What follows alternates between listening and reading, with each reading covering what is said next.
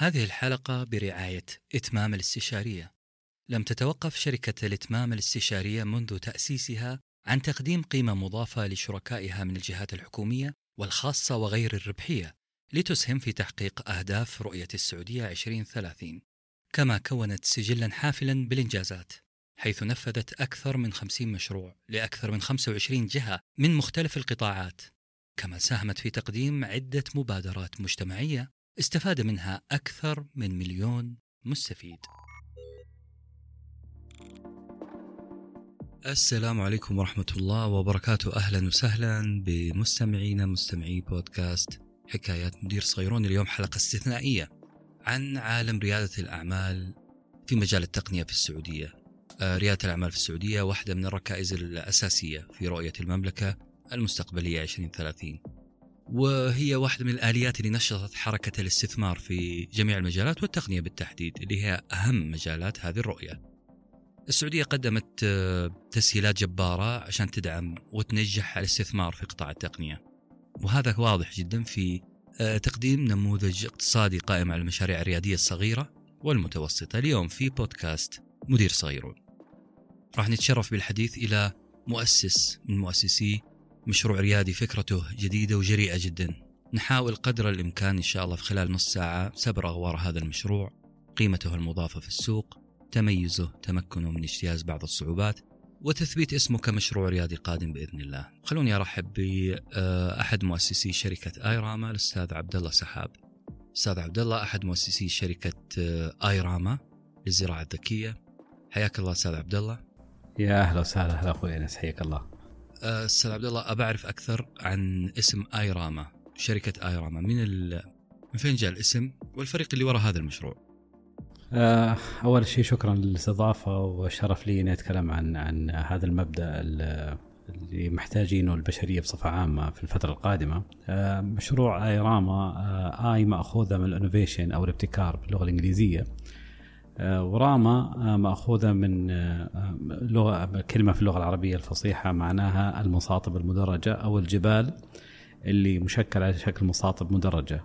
وفي بيت شعر مشهور ولما تلقينا على سفح رامة وجدت بنا عمرية أحمر فهي كلمة عربية فصيحة معناها الجبال أقدم تقنية في وضع جبال تحويلها إلى مزارع عن طريق آه، عمل ما ما يشبه الدرج أو المدرجات آه، وتكون في وقت الخضار التام آه، تحت مسمى راما فهذا هذا هذا المصطلح وهدفه إن هي أقدم تقنية لحفظ المياه وتزويد مساحة الزراعة في العالم.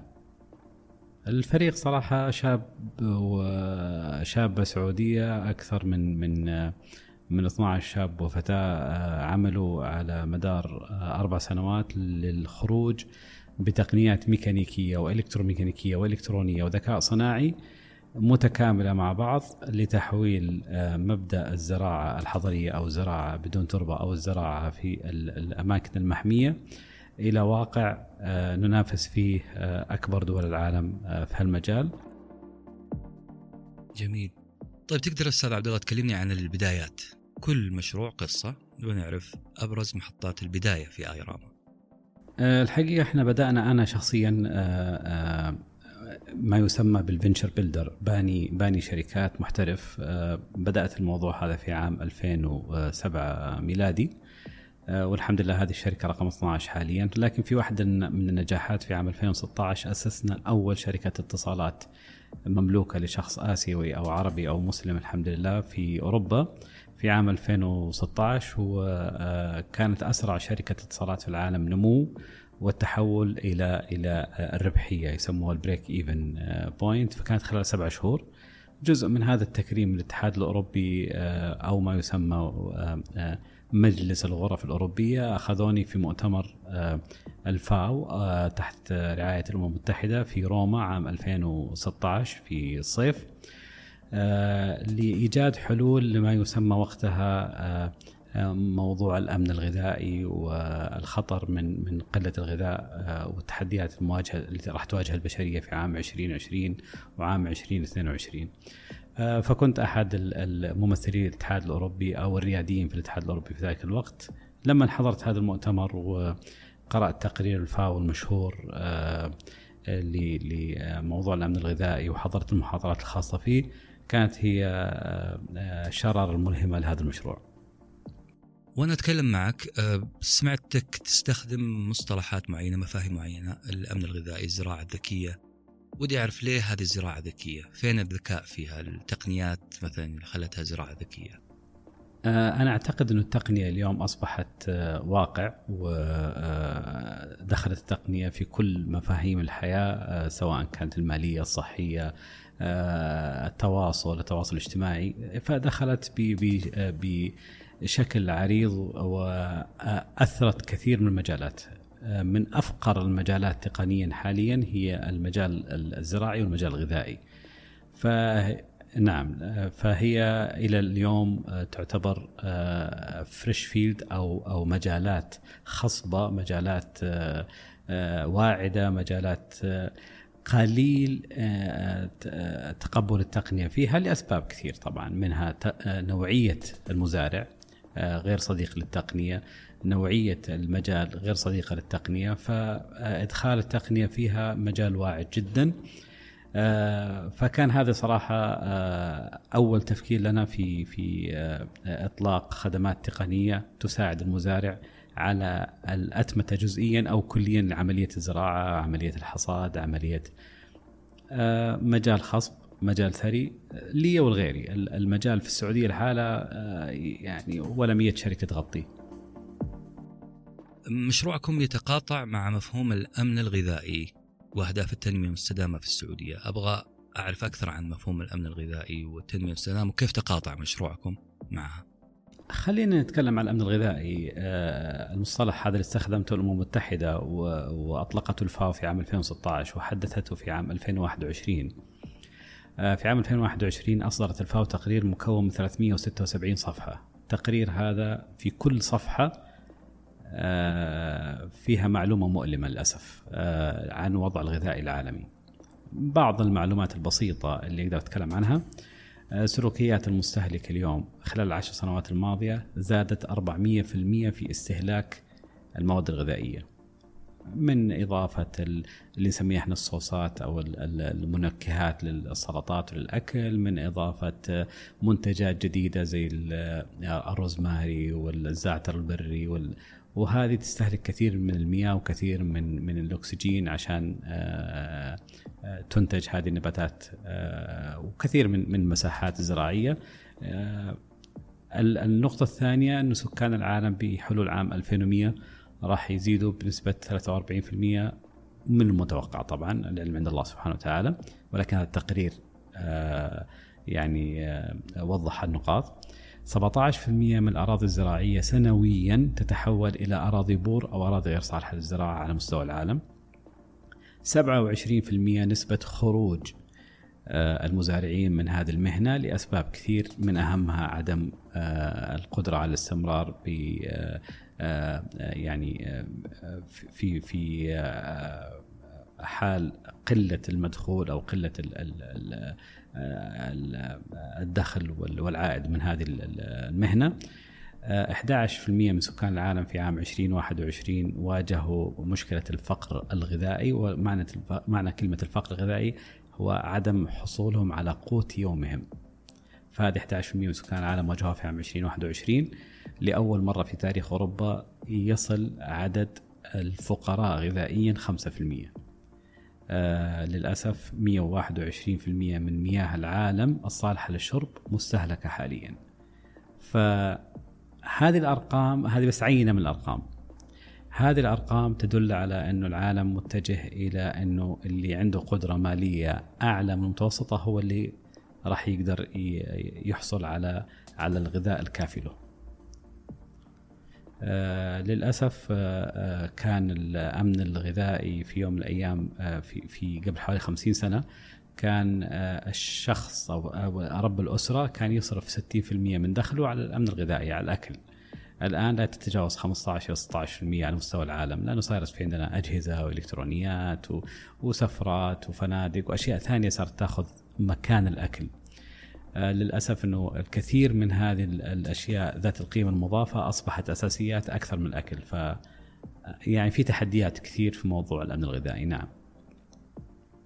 يعني 376 تحدي لا يمكن تلخيصها في في آه، نص ساعة ولا في ساعتين. صحيح. كفيت ووفيت. أنا فعلا فكرة الأمن الغذائي بفهم الامن الغذائي ما في خطر على الأمن الغذائي. هذا التقرير أعتقد يوضح دي النقاط. بما أننا نتكلم عن التحديات والصعوبات منها خروج المزارعين من هذا المجال منها الاستهلاك للمواد المضافة عندي أسئلة عن التحديات اللي واجهتكم في هذا المشروع.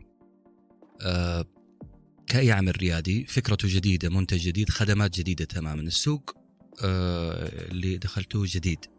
كيف آه، قدرتم تحفظون ملكية هذه الفكرة الفكرة الجديدة؟ طبعا لما بدأنا ايراما كان عندنا أكثر من تحدي صراحة. تحدي الميكانيكا بصفة عامة اللي هو عملية الزراعة. هل أزرع في تربة ولا أزرع في في زراعة مائية أو زراعة احيومائيه اللي يستخدم كائنات حية ومياه أو زراعة بالبخار أو بتلطيف الجو. آه، فهذه هذه أنواع الزراعة كان عندنا تحدي. فقررنا أن نعمل ميكانيكا بالعامية سباكة. ميكانيكا آه، مبتكرة. مصممة بالكامل على أيدي آه، فتيات سعوديات خريجين جامعة نوره عشان ما نقول انهم والله جايين من من إكسفورد ولا وفعلا قدروا يسووا أكثر من 34 منتج ميكانيكي حصلوا فيها على أكثر من براءة اختراع الحمد لله. أضفنا عليها تقنيات الحساسات والمستشعرات الإلكترونية اللي تم برمجتها وتم تطوير آه، تطبيقاتها من خلال شباب وفتيات سعوديات عندنا في المكتب بفضل الله سبحانه وتعالى. آه، أضيف إليها عملية مراقبة وتطوير عملية تغذية النباتات إدارة الهواء والغذاء والإضاءة لكل نبتة على حسب نوعها اللي يسمى بال باللغة العلمية الريسبي الخاصة بكل نبتة على حسب عمرها وعلى حسب احتياجها.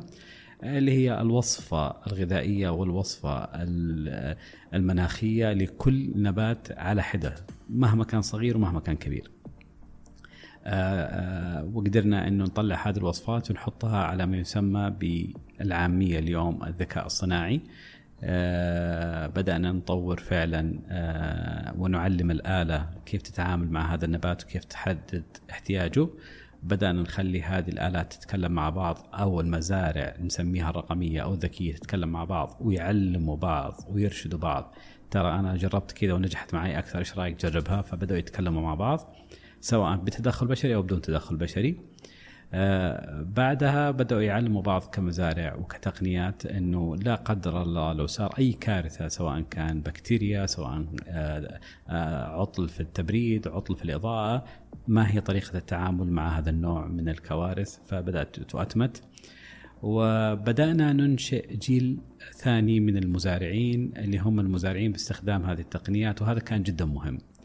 الجميل إنه كل الكلام هذا كان تقبله من أصحاب القرار في الوزارات عندنا بكل أمانة عالي جدا جدا جدا. وكان فعلا كأنها الضالة التي وجدت. آه، فكان في تقبل لتطوير آه، الكادر البشري ليكون آه، خلينا نقول زي ما سمينا اللي يشتغل في القهوة باريستا. الوجود وجود اليوم ما يسمى بفارمر 2.0 المزارع الحديث أو المزارع الجيل الثاني. فالحمد لله كنا أول شركة في في المنطقة كلها يعني تنتج هذا النوع من من من المزارعين ومن التقنيات اللي تساعدهم على سد الأمن الغذائي بأقل عدد من الكوادر البشرية وأكثر عدد أكثر نسبة من الإنتاج المتوقع. أنا معجب وأنا قاعد أتكلم أو أسمع منك هذا الكلام لسبب بسيط حكاية خلق الثقافة هذه تحتاج مصطلحات جديدة زي ما تفضلت أنت المزارع سميته المزارع التقني ولا؟ إحنا سميناه الفارمر 2.0 الجيل الثاني من المزارعين. يا سلام. آه كذلك community of practice مجتمع صحيح. الممارسة جمعتهم مع بعض على أساس يأخذون ويعطون مع بعض مشاكلهم تتناقش. هذا حل لواحد من المشاكل. آه نموذج جديد زي ما قلت لك وخلق ثقافة جديدة قاعدين تحلونها بهذه الطريقة. آه في السوق اعتاد على أساليب منهجية قديمة. فاهم جدا حجم التحدي بس أبغاك تفضفض لي أكثر على تحديات أخرى واجهتكم لخلق هذا السوق الجديد. طبعا التقبل التقبل كان آه، شبه معدوم. آه، فوصلنا لاستراتيجية في الشركة إننا ما نبيع لمزارع تقليدي أصلا. هذا قرار. أي مزارع تقليدي ما نبيع له. لأنه هذا خارج الرادار تبعنا. إحنا نحتاج مزارع 2.0 وأق... وأقرب تشبيه لها اليوم لما نتكلم عن الكافيتيريا اللي يبيع ساندويتش ويبيع آه، نسكافيه وشاي والقهوه المختصة.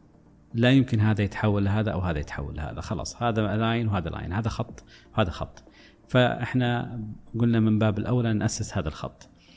آه الجميل زي ما قلت لك إنه أصحاب القرار والمسؤولين في على مستوى المعالي وتحت أصحاب المعالي بكل أمانة آه كانوا فاهمين ومتعاونين وعارفين حجم ال ال ال الاحتياج. فكان عندنا دعم مباشر بكل أمانة من من أكثر من وزارة وأكثر من من صندوق آه، خلينا نقول من صناديق الدعم أو أو مشاريع الدعم أو برامج الدعم الموجودة. وهذا اللي ساعدنا إنه نثبت المفهوم ونثبت القيمة في آه، أحد مشاريعنا في في آه، هايبر ماركت الدانوب الموجود في قرطبة في الرياض. كان إثبات إنه كيف أنا أحول المزرعة من مزرعة تقليدية إلى مزرعة داخل سوبر ماركت تاخذ فيها نبات حي ذو قيمة غذائية عالية بذور نظيفة ومعاملة آه، حسنة. وبدأنا نحط زي اللوحات التثقيفية أنه إيش هذا؟ إيش اللي قاعد تشوفه أنت؟ ترى هذه زراعة ترى موجودة في السوبر ماركت تراها نظيفة وتراها عضوية ولها قيمة غذائية تفوق القيمة الغذائية للمزروع في الحقول المفتوحة آه، أعتقد أنه أنه آه، وضع هذه الثقافة في في هايبر ماركت حترفع شوية من مستوى الوعي آه، للحد الأدنى على الأقل. جميل. آه، كنا بنتكلم عن المزارعين وتغيير ثقافتهم ثقافة هذه الصناعة أو هذا المجال. ودوبك تكلمت عن المشتري أو المستهلك. آه، عنده المخاوف فعلا من أنه أنا تعودت على طريقة الزراعة التقليدية الآن أنا ابى اعرف هل المنتج من هذه التقنية طبيعي أو لا بالتوعية اللي انت تفضلت فيها كافية تتوقع أو في إجراءات أخرى أنتم سويتوها على أساس المستهلك يطمن من أنه هذا المنتج آه، طبيعي تقنيات ما بتغير في طبيعتها. اسمح لي أنس بسؤال جريء لك ولكل متابعينك.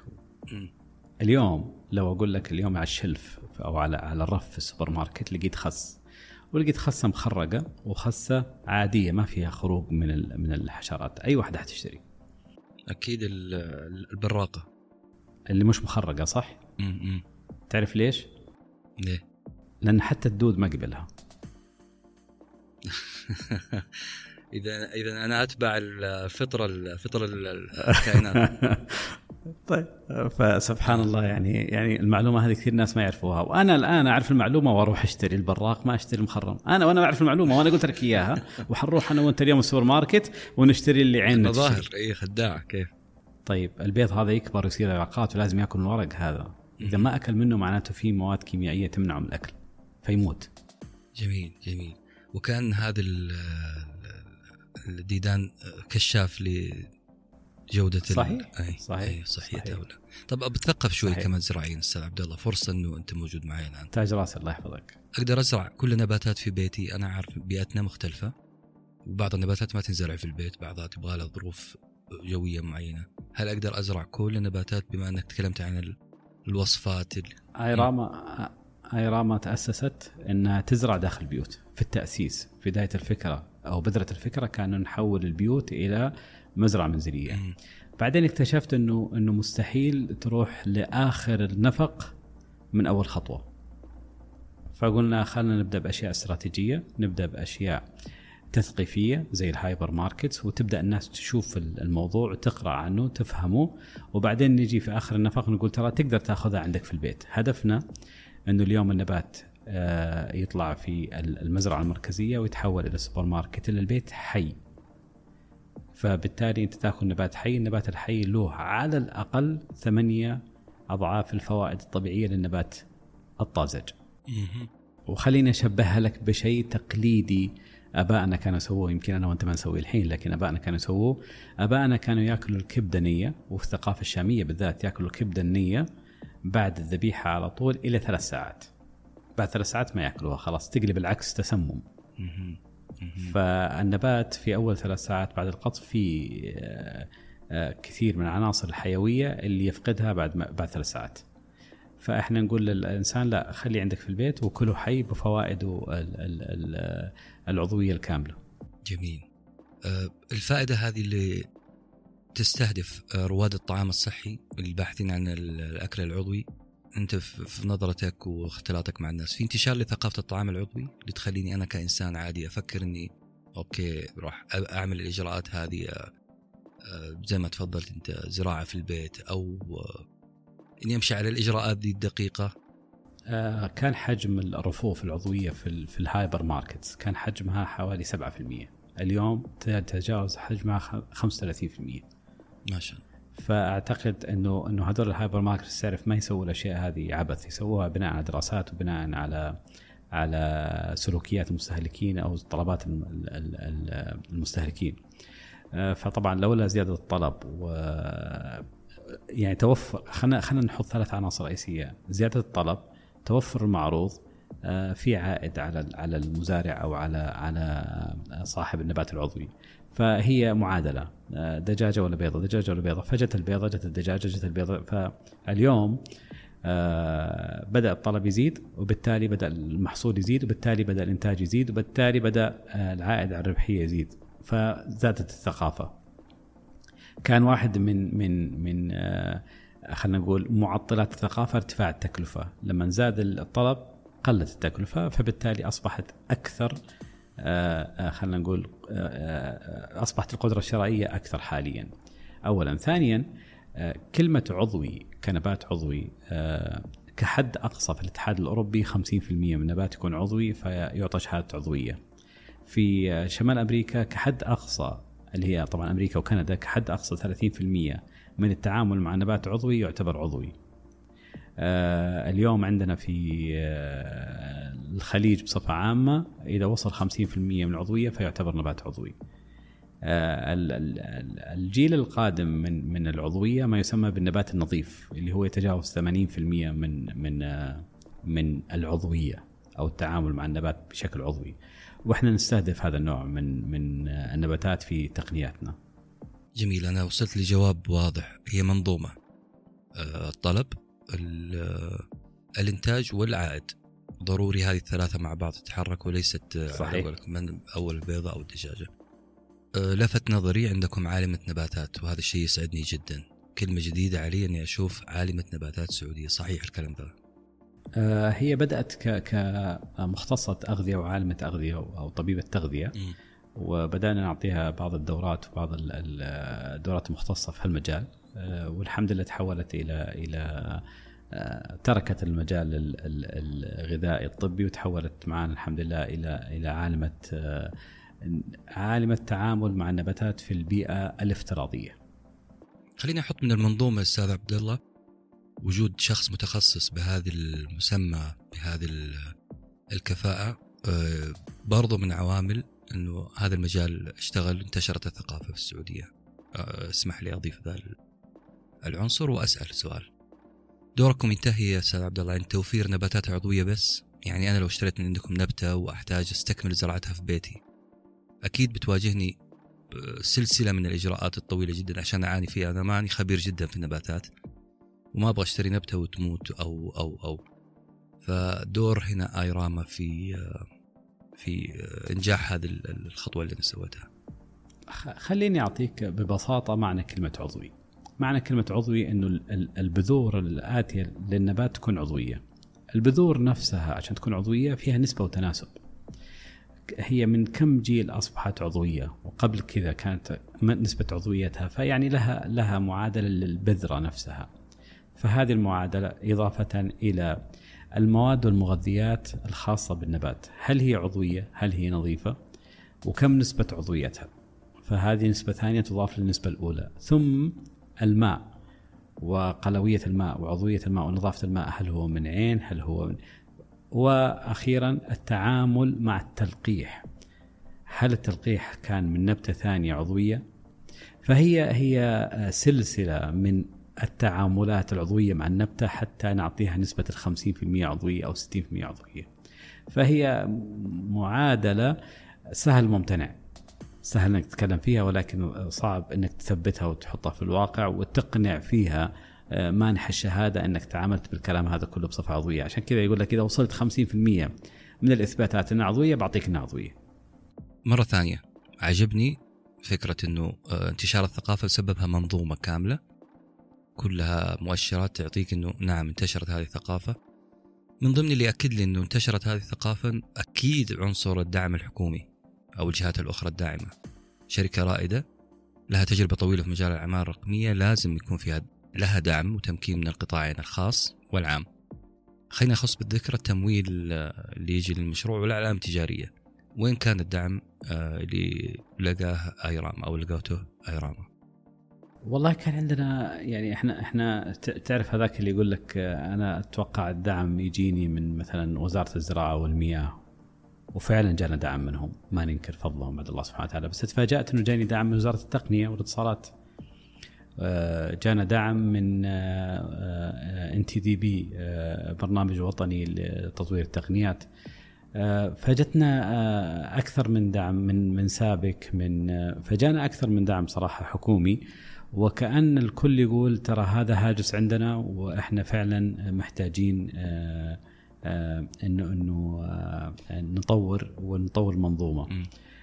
جانا دعم من أرامكو عن طريق واعد. فصراحة يعني لو أقول لك الداعمين ما شاء الله تبارك الله يعني كأنهم كانوا فعلا جائعين لمجال آه، الغذاء وسد حاجة البلد في الغذاء، طبعا الميزة في سد حاجة البلد في الغذاء إنه يساعد في التوازن الرقمي، يساعد في التوازن الكربوني، يساعد في الاستدامة، يساعد في آه، الصحة العامة، يساعد في أشياء كثير. فعشان كذا أقول لك الداعمين لقيناهم نحن نلمس تقريبا كل وزارة. والحاضنات والمسرعات. في ما قصروا والله بدون استثناء ما قصروا لا منشآت لا واعد لا نساند سابك ان تي دي بي كراج آه، أخاف أنسى أحد والله منهم لأنه فعلا كلهم دعمونا. آه، رائده الاستثمارات شركة الاستثمارات الجريئة آه، صندوق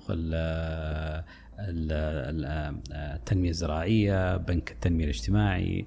بكل أمانة الكل فتح أبوابه وفتح لنا كل مجالات التعاون الجمعيات التعاونية الخيرية آه، وقبل ما أنسى وزارة الاتصالات ووزاره الزراعة قبلهم كلهم يعني. ما شاء الله تبارك الله. أكيد في عنصر جذب. وفي في المشروع وهذا اللي خلى يلفت الأنظار للجميع. أنا أتوقع أنه تركيزكم على الاستدامة فافهم أن الاستدامة في رؤية المملكة العربية السعودية التنميه المستدامة كانت إلهام لكم وأصبحت إلهام للصناديق وال والممولين والداعمين. أه بسمع شوية عن الاستدامة في مشروعكم. كيف جذبت؟ أهداف الاستدامة العامة أو أهداف الاستدامة العالمية ال SDG هي 17 هدف. الحمد لله إحنا أعلى شركة حققت أه، أهداف أه، تابعة لأهداف الاستدامة العامة وفي واحد من الأهداف أصلا ما يهمنا يعني أه، لكن نقدر نأخذه لكن ما يهمنا نأخذه صراحة.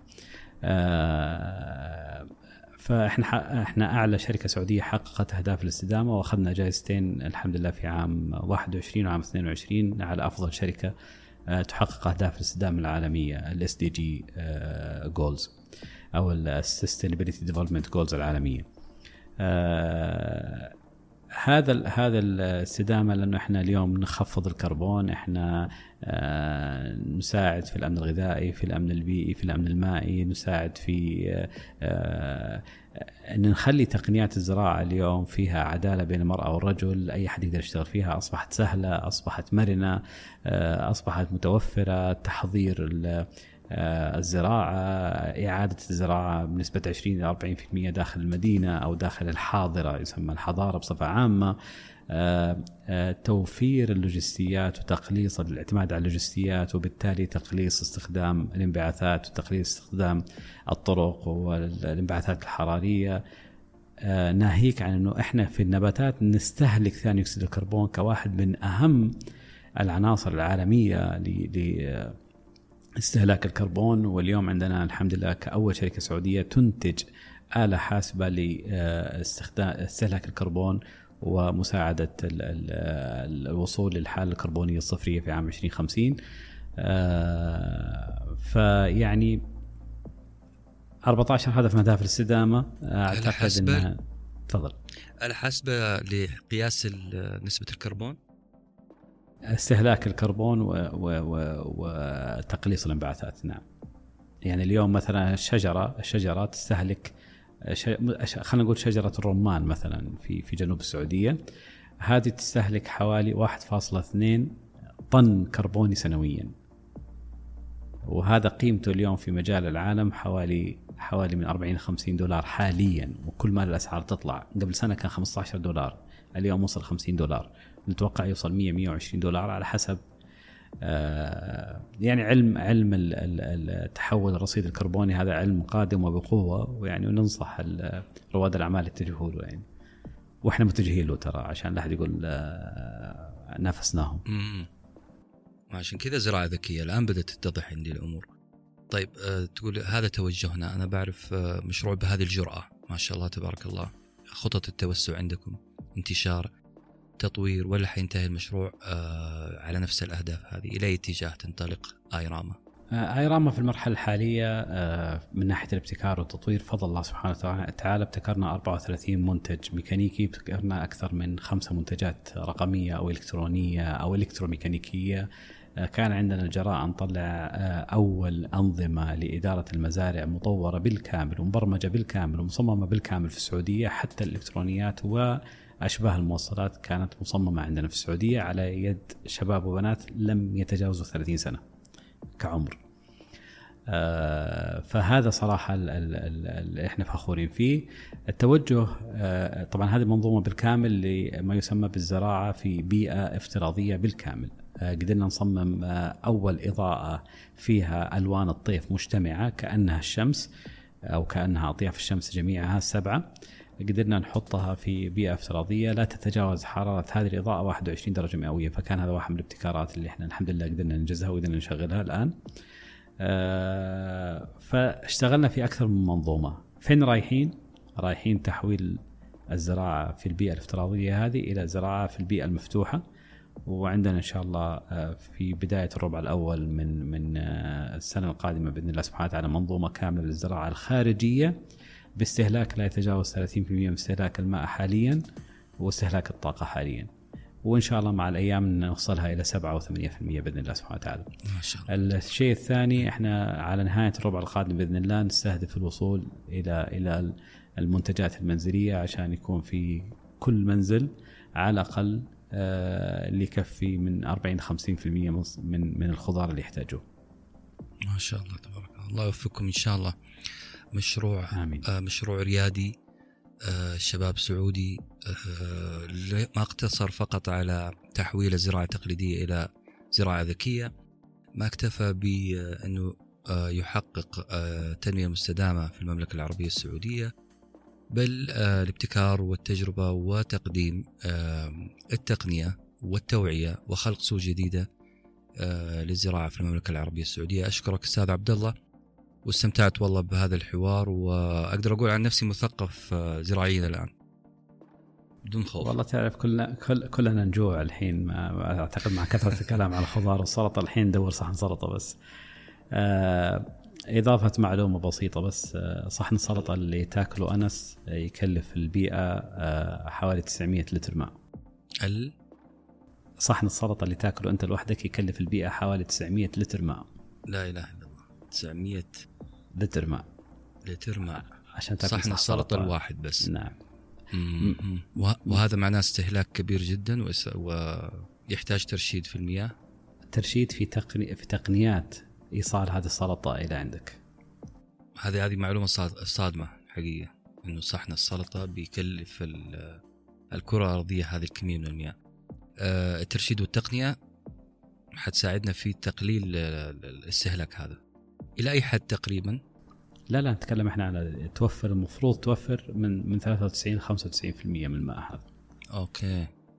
أستاذ عبد الله سعيد جدا معرفتك اولا والكلام عن هذا المشروع سعيد جدا بهذه الأرقام والتوجه القادم. متشوق جدا أسمع عن آيراما بإذن الله مستقبلا الوجهه إن شاء الله اللي واصلينها. شكرا جزيلا لك. شرف لي. كان كان شرف لي لقائك وشكرا لك و... و... وأنك شرفتني بهاللقاء. الله يحفظك. على رأسي. الله يحييك. السلام عليكم ورحمة الله. السلام ورحمة الله.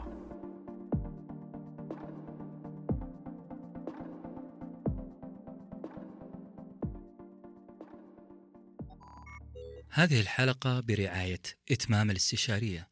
لم تتوقف شركة الإتمام الاستشارية منذ تأسيسها عن تقديم قيمة مضافة لشركائها من الجهات الحكومية والخاصة وغير الربحية لتسهم في تحقيق أهداف رؤية السعودية 2030 كما كونت سجلا حافلا بالإنجازات حيث نفذت أكثر من 50 مشروع لأكثر من 25 جهة من مختلف القطاعات.